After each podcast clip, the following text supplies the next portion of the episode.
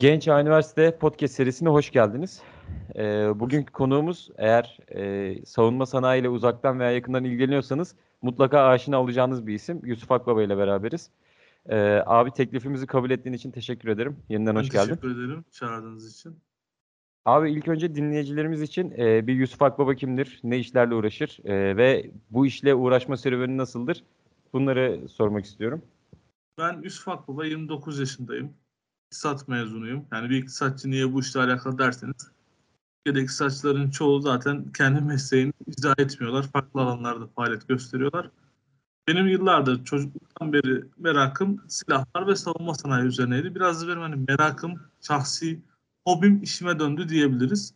2015 yılının sonuna doğru ben e, Star Akşam Güneş gazetelerin, gazetelerinin dijital bölümünde savunma güvenlik editörü olarak başladım bu merakımın üzerine. Bir yıl kadar burada çalıştım. Burada çalıştıktan sonra e, Ankara'ya davet edildim. E, hem bu savunma sanayi alanında o zaman Türkiye'de sosyal medyada da farklı mecralarda yazan ve bilinen kişi çok azdı. Ben de sosyal medyada biraz tanınınca e, Ankara'da belirli kurumlara bu konuda yardımcı olmam için çağrıldım. Yani danışmanlık alındı benden. Ankara'ya çağrıldım. Ankara'da çeşitli kurumlara bu alanda, bu alanın hani medyası, sosyal medyası alanında danışmanlık verdim. Tabii ki ben e, mühendis olmadığım için bu işin mutfağında yer almadım ama bu işin e, hani mühendisler bu işin e, aşçısıysa ben, ben garsonuydum diyebiliriz. Hani sürekli bunun pazarlanması, kamuoyuna tanıtılması üzerine çalıştım. 2021 yok 2020 itibariyle de ben artık tamamen geri yine özel sektöre döndüm. Şu an bir özel şirketler grubunda yine o şirkete iş geliştirme ve pazarlama alanında danışmanlık veriyorum. Aynı zamanda yurt dışında savunma güvenliği ve savunma politikaları üzerine yüksek lisans serüvenim başlayacak. Yani biraz daha bu işin akademik kısmını da oturtmayı planlıyorum. Bu şekilde devam ediyor. Abi kariyer planların anlamında inşallah hayırlısı olsun. Gönlünce olsun diyorum. Ee, savunma sanayinden e, bahsetmek istiyorum biraz. Savunma sanayinin tarihçesinden bahsetmek istiyorum. Geçmişten günümüze e, filizlenme, yeşerme, rüştüne eriştiyse, e, rüştünü erişmediyse nasıl erişeceğine dair e, senin fikirlerini ve e, bizlere paylaşabileceğin bilgilerini merak ediyorum abi. Öncelikle daha çok yolumuz var. Hatta bazı alanlarda yolun başındayız maalesef. Hani keşke gönül isterdi ki yolun ortasında ya da çoğu bu yolda ilerlemiş kişilerle başa baş giderim ama bazı konularda yolun başındayız bazılarında ortada bir kısmında da artık e, bazı bu alanda giden dünya liderlerinin de önüne geçmiş durumdayız. Yani Türkiye'nin yani bu coğrafyada hayatta kalmak istiyorsa Türk halkı, Türk devleti mecburen güçlü bir savunma sanayine sahip olmak zorunda. Zaten geçmişten günümüze bakarsak Osmanlı'nın son dönemlerinde de en büyük sıkıntıların yerli ve milli bir savunma sanayinin tam anlamıyla oturmamasından kaynaklandığını görüyoruz. Ve bunun için bazı çalışmalar olduğunu görürüz. Yani mesela bizim e, sürekli türkülerimizde geçen e, hani Aynalı Martin tüfeği, yani Mauser tüfeği vesaire bunlar Martin tüfeği Amerikan tüfeğidir. Mauser Alman tüfeğidir. Hani savunma sanayi olmaması Türklerimize daha iyi yansır. Osmanlı'nın son döneminde bir şeyler yapılmaya çalışıyor ama yıkılmak üzere olan bir imparatorluk olduğu için onlar tam anlamıyla başarıya ulaşmıyor. Ama oradan kalan bir miras ve bilgi birikimiyle de Cumhuriyet döneminde, Cumhuriyet'in kurulmasıyla bu alana çok büyük önem veriliyor. Mühimmat fabrikası kuruluyor. Özel teşebbüsler o dönem uçak fabrikaları kuruyor. Kendi mühimmat üretimlerini yapıyor. Ancak dönem ne olursa bir şekilde artık e, birilerinin önünü kesmesi ya da e, dış alımların daha önemsenmesi sebebiyle bu Nuri Kirligil, Nuri Demirağ, Recep Kuş gibi önemli şahısların girişimlerinin tamamı sekteye uğruyor. Zaten en büyük sıkıntıyı biz İkinci Dünya Savaşı'ndan sonra Marshall yardımlarının gelmesiyle tamamıyla kendimizi Amerika'ya bağlamakla yapıyoruz. Bunun acısını da hani bu dönem geliyor böyle 1970'li yıllarda Kıbrıs Barış Harekatı'nda görüyoruz. O zaman ambargoya maruz ambargoya maruz kaldığımız için Amerika'dan birçok ürünü tedarik edemiyoruz. Sonrasında da bugün zaten adından çokça bahsedilen vakıf şirket. Önce vakıf kuruluyor. Türk Silahlı Kuvvetleri'nin Güçlendirme Vakfı'ndan vakıf şirketlerinin en büyüğü şu an Aselsan. Sonrasında diğer şirketler kuruluyor. Zaten şu an en bilinen vakıf şirketleri Aselsan, TUSAŞ, Roketsan, Havelsan. Vakıf şirketleri o zaman hani telsiz üretmek için kurulan Aselsan bugün erken ihbar radar sisteminden tutun bir hava savunma sistemine ondan e, İHA'nın kamerasına sınır güvenlik sistemlerine kadar birçok noktada ürün üretiyor. Uçakların modernizasyonu, uçakların kokpitleri, tank modernizasyonu, atış kontrol sistemi yani şu an e, Aselsan personellerinin çoğu bile Aselsan'daki proje sayısını bilmez. Kaç tane proje var e, sayamazlar. Çünkü o kadar çok proje ve iş var Aselsan'da şu an. Zaten Roketsan'da TUSAŞ'ın İHA'ları, uçakları birçok e, ilgili tarafından biliniyor. Yani devam edelim. Kıbrıs Barış Harekatı'ndaki yapılan ambargodan sonra Türk Devleti yeniden tekrardan yerli ve milli savunma sanayi olmazsa Türkiye'nin her anlamda bağlı bir ülke olacağına dert getirip bu girişimleri özellikle de şu anda vurgu yapmak istiyorum. Silahlı Kuvvetleri'ni güçlendirme halk tarafından kuruldu. Yani Türkiye'de yerli ve milli savunma sanayini halk. Bu kadar da bu konuda aslında bilinçli ve güçlü bir halk idik. Ondan sonra 70'lerde bu girişimler oluyor. Firmalarımız belirli ürünler üretmeye başlıyor. Zaten sonra sistemlerin ortak üretilmesi için Pakistan kuruluyor. F-16 ortak e, üretimi için TUSAŞ'ın kurulması. TUSAŞ'ın yanında sonra İnam TEİ var. Havelsan hava elektroniği için kuruluyor.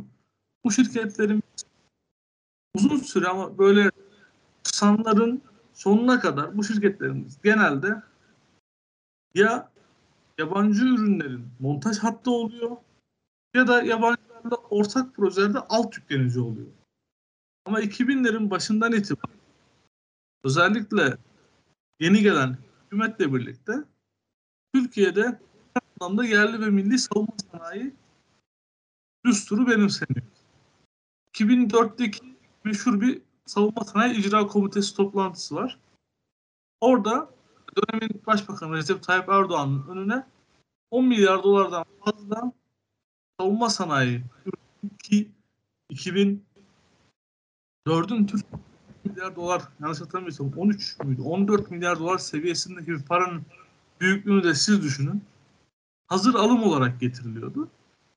Cumhurbaşkanı dönem başbakan Recep Tayyip Erdoğan hazır alımı kabul etmeyerek e, bütün projelerde yerli ve milli ya da yerli ortaklığın ön planda olduğu yöntemin seçilmesini istiyor. Bu sayede Altay tankı, yerli İHA, yerli Atak helikopteri ve diğer birçok yerli savunma sanayi ürününün üretim kararı bu toplantıda veriliyor. Zaten 2004'te veriliyor. Çoğunun imzası 2005-2006'da yapılıyor. 2007 yılında imalatlara başlanıyor. 2011'de çoğunun prototiplerini ya da e, teslimatlarını yavaş yavaş görmeye başlıyoruz. Bu da önemlidir. O dönemin Türkiye'sinde böyle bir kararı verebilmek. Çünkü yani savunma sanayi böyle bir özelliği var. Tamam belli bir teknolojiniz, belli bir paranız olabilir. Ama ardınızda bir irade yoksa bunları hayata geçirmek çok zor. Şöyle örnek vereyim. Bizim hava soğucu diye bir projemiz var. Havadan e, şu an işte nasıl örnek vereyim? En böyle bu işte alakasız kişinin de herkes Koral'ı duymuştur. Onun bir uçak, uçan versiyonunda diyebiliriz. Ee, o proje 25 yıldan eski bir proje. Ancak e, imzası, uçakların gelmesi vesaire e, son 3 yılda vesaire oldu. Şundan dolayı e, sürekli mesela Milgen projesi de aslında geçmişe bakarsanız 90'lara dayanıyor. Ata helikopteri projesi geçmişine bakarsanız yani 80'lere dayanıyor. 89 vesaire çok rahat diyebilirsiniz. Ancak geçmişten tamam masa üzerinde bu sistemler konuşuluyordu. Yani bunların yapılması yanı, yönünde istekler, talepler, belli oranda irade vardı ama bir türlü hayata geçmedi. Bu tedarikler, bu yapımlar.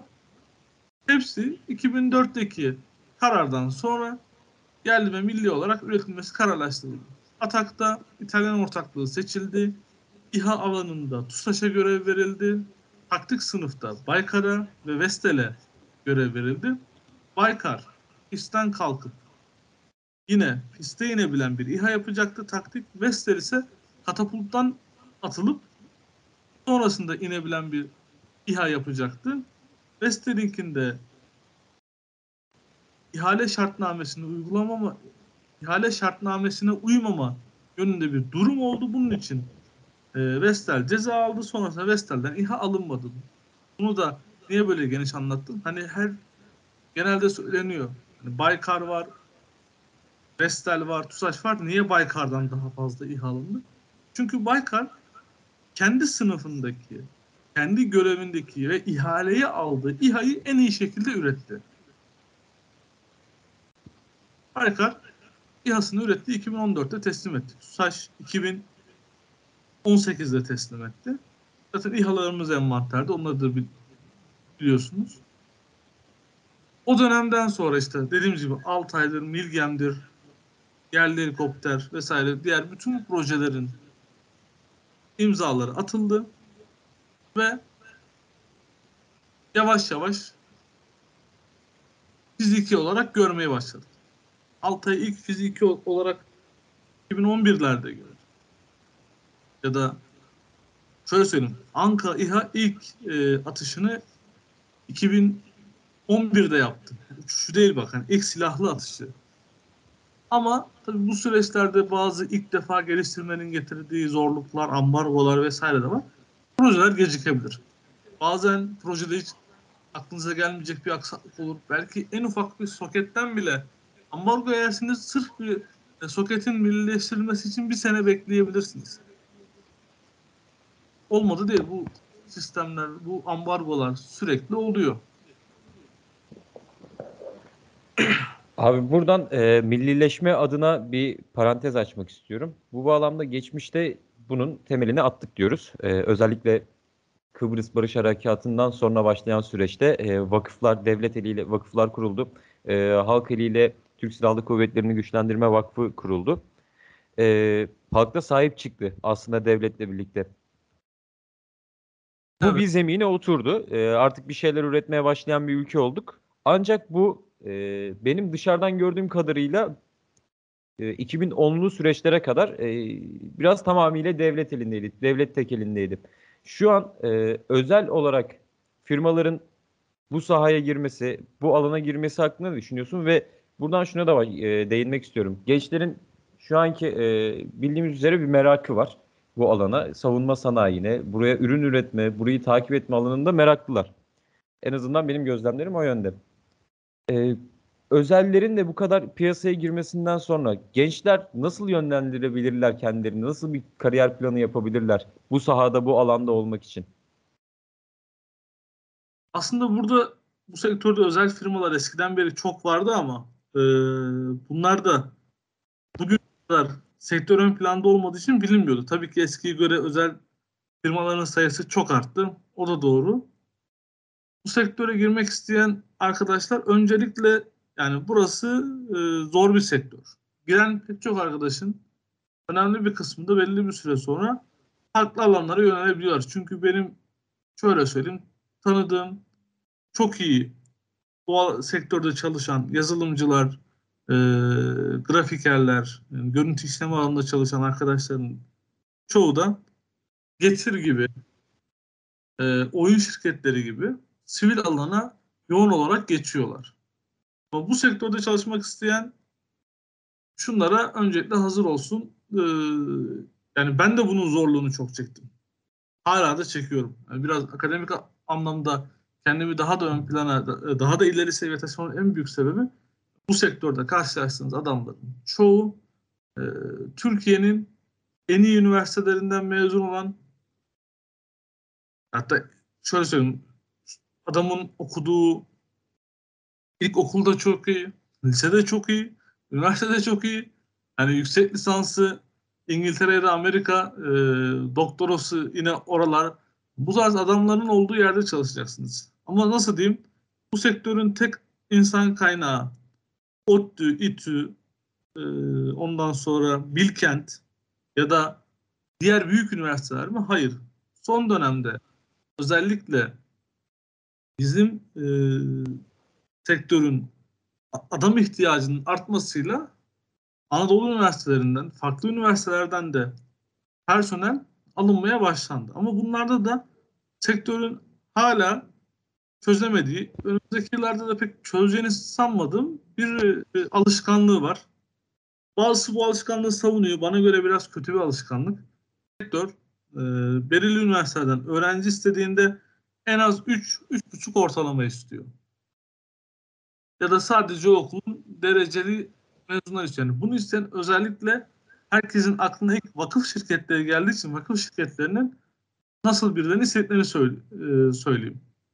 Bir de şu an vakıf şirketleri artık İngilizce sınavlarını kendileri yapmaya başladılar.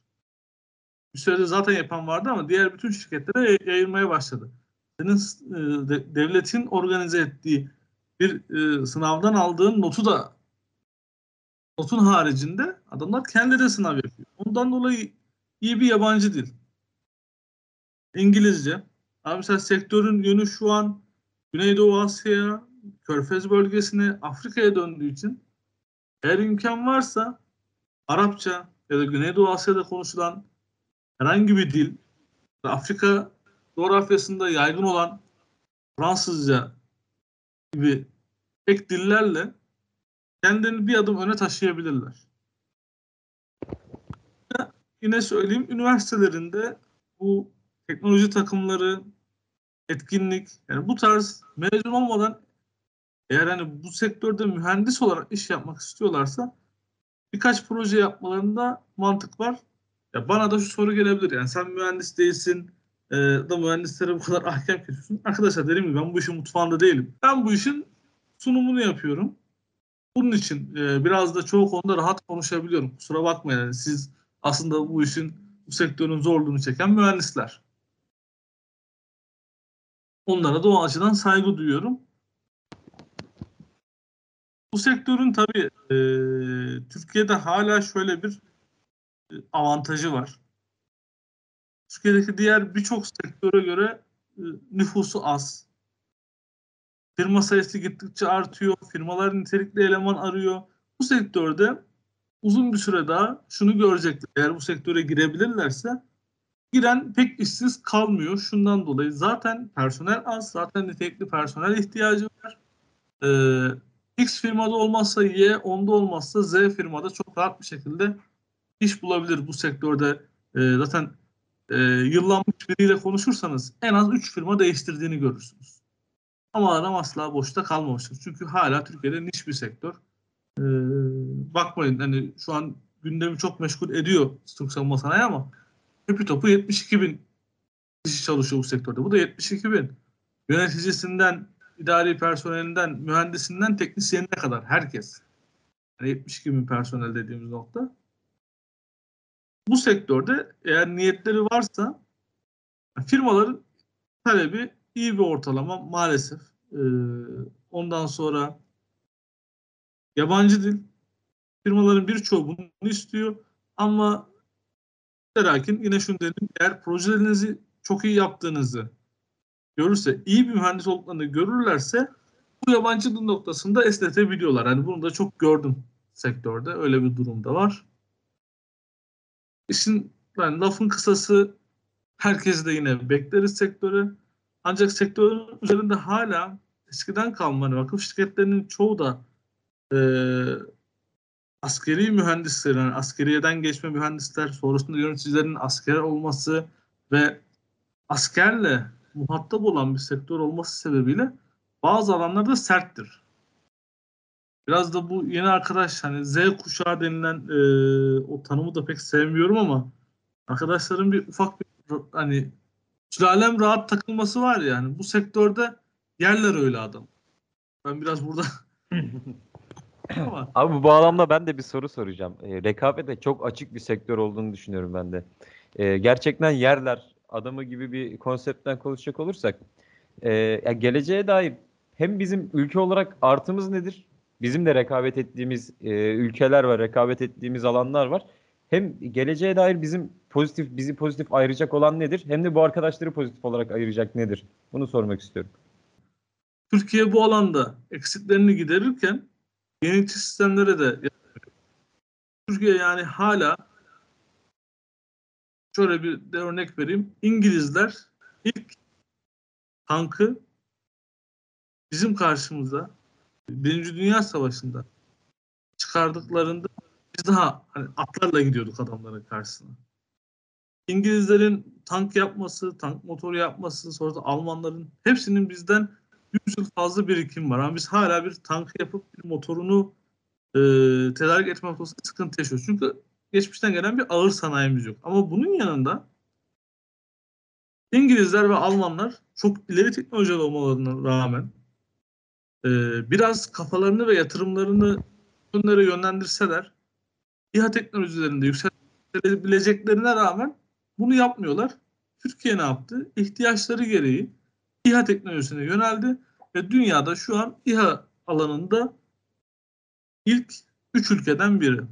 Ayrıca yine bazı eksiklerimiz nedeniyle bu ihtiyaçları giderebilmek için elektronik harbe çok yöneldik. Elektronik harpte de dünyanın sayılı ülkelerinden biriyiz. Ayrıca lazer silah teknolojisinde de dünyanın sayılı ülkelerinden biriyiz. Ayrıca elektromanyetik silah sistemlerinde de dünyanın sayılı ülkelerinden biri olduk.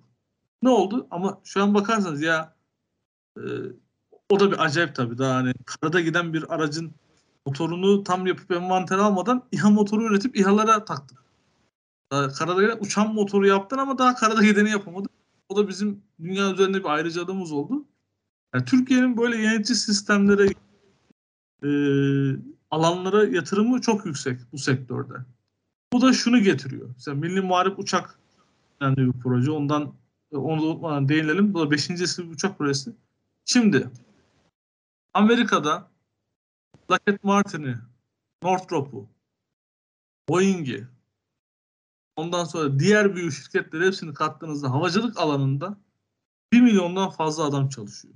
Savunma sanayine mesela kattığınızda kaç bin adam var, kaç milyon adam var bunun rakamı bende yok. Ama bayağı yüksek olduğunu biliyoruz.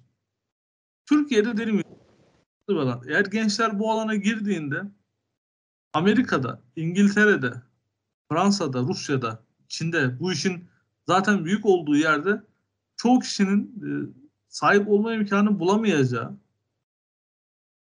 bilgi birikimine ve imkanlara sahip olacaklar şöyle. Düşünsene. E, üniversiteden yeni mezun olmuşsun. Ama eleman ihtiyacı var diye Baykar firması deli gibi staj programı açıyor ya da aday mühendislik. Seni alıyor ya da daha sen üniversitedeyken sana destek verip seni bu alana yönlendirip sen üniversiteden mezun olduğun gibi seni üretim bandına alıp çalıştır, çalıştırabileceği bir mühendis haline getiriyor ve de sen Türkiye'de MUSE diye daha önce kamuoyuna tanıtılan muharip insansız uçak sisteminin üretiminde çalışan bir mühendissin. Yani CV'ye bak. Yani İngiltere'de ve yani TUSAŞ'ın bazı projelerde yurt dışından danışmanlık aldığı e, kişileri biliyorum. Hani adamların hepsi yaşları yıllanmış. Hani şöyle şöyle projelerde çalışmış, etmiş de buralarda çalışabilen. Ama Türkiye'de çok büyük projelerde çok genç insanlar. Mesela e, Genç İHA'nın programa giderken rahmetli oldular. Dördünden de Allah evet. Allah razı olsun dördünden de. Orada Baykar mühendisi olan kardeşimiz de genç yaşına rağmen Baykar'da ekip şefiydi. Bu e, imkanı, bu kapasiteyi yurt dışında bulamazsınız. Ancak Türkiye'de bulursunuz şu an. Örnek vereyim. TUSAŞ'ın e, genel müdürü Kemal Kotil Hoca. Yani zaten aynı zamanda hocadır. E, İTÜ'nün İTÜ'den mezun çoğu mühendise de uçak anlamında ve uçak ve uzay mühendisinden mezun çoğu kişiye de ders vermiş biridir. E, şöyle bir muhabbet geçiyor. Örnek vereyim. Yurt dışından bir danışmanlık firması geliyor. Bu Milli Muharip ve diğer Hü- Hürjet gibi konularda TUSAŞ'a danışmanlık vermek için. Ama adamlar hani bayağı burunları havada geliyorlar. Bu yakın gelecekte olan bir mevzu. Bayağı bir burun havada geliyorlar. TUSAŞ'ın e, birçok personel de bu adamların karşısında biraz ezilip büzülmüşler. Hani zaten bu adamlar e, yıllardır proje vesaire. Temel Bey talimat vermiş yanındaki e, personellere. Gidin bizim yaptığımız ve yapacağımız bütün projelerin maketlerini getirin. Tabii Atak var. Atak 2 var. 10 ton ağırsın helikopter var. T-70 var. Gökbey var. Milli Muharip Uçak var. Anka var. Aksungur var. Özgür modernizasyonu var. Varoğlu var. Yani bir sürü maket gelmiş masaya. Temel Bey dedim ki sadece, size sadece şunu söylüyorum. Ben bu kadar projeyi yapacak bir şirketin genel müdürüyüm. Size benimle çalışma fırsatı sunuyorum. İster kabul edin, ister kabul etmeyin diyor ve odadan çıkıyor. Ya Bu gelen yabancı heyette bayağı tabii şok oluyor. Ee, yani anlatacağım bizim böyle yani Temel Bey'in oradaki projelere inan gücü aslında gençlerin de bunlara nasıl inanması gerektiğini gösteriyor. Ve de artık e, bizim o maalesef e, bizim sektörde de çok. Yani Batılılara karşı hissedilen ezikliğin artık olmaması gerektiğini gösteriyor. Abi ağzına sağlık. Ee, yarım saati de bulduk. Vallahi aklı geldi sohbet. Ee, verdiğin bilgiler için de çok teşekkür ederim. Genç Yağ Üniversite adına. Ee, sağ olasın. Bugünlük e, bu kadar yani bu programımızı e, sonlandırıyoruz. Ee, isterdik ki daha çok vaktimiz olsun. Doya doya daha çok konuşalım. Daha çok sohbetinden istifade edelim. Dedim ağzına sağlık. Ee, teşekkür ederim. Ben Ee, bir sonraki ederim. e, bölümlerde görüşmek üzere. Genç Yağ Üniversite Podcast serisini takipte kalın. Allah'a ısmarladık.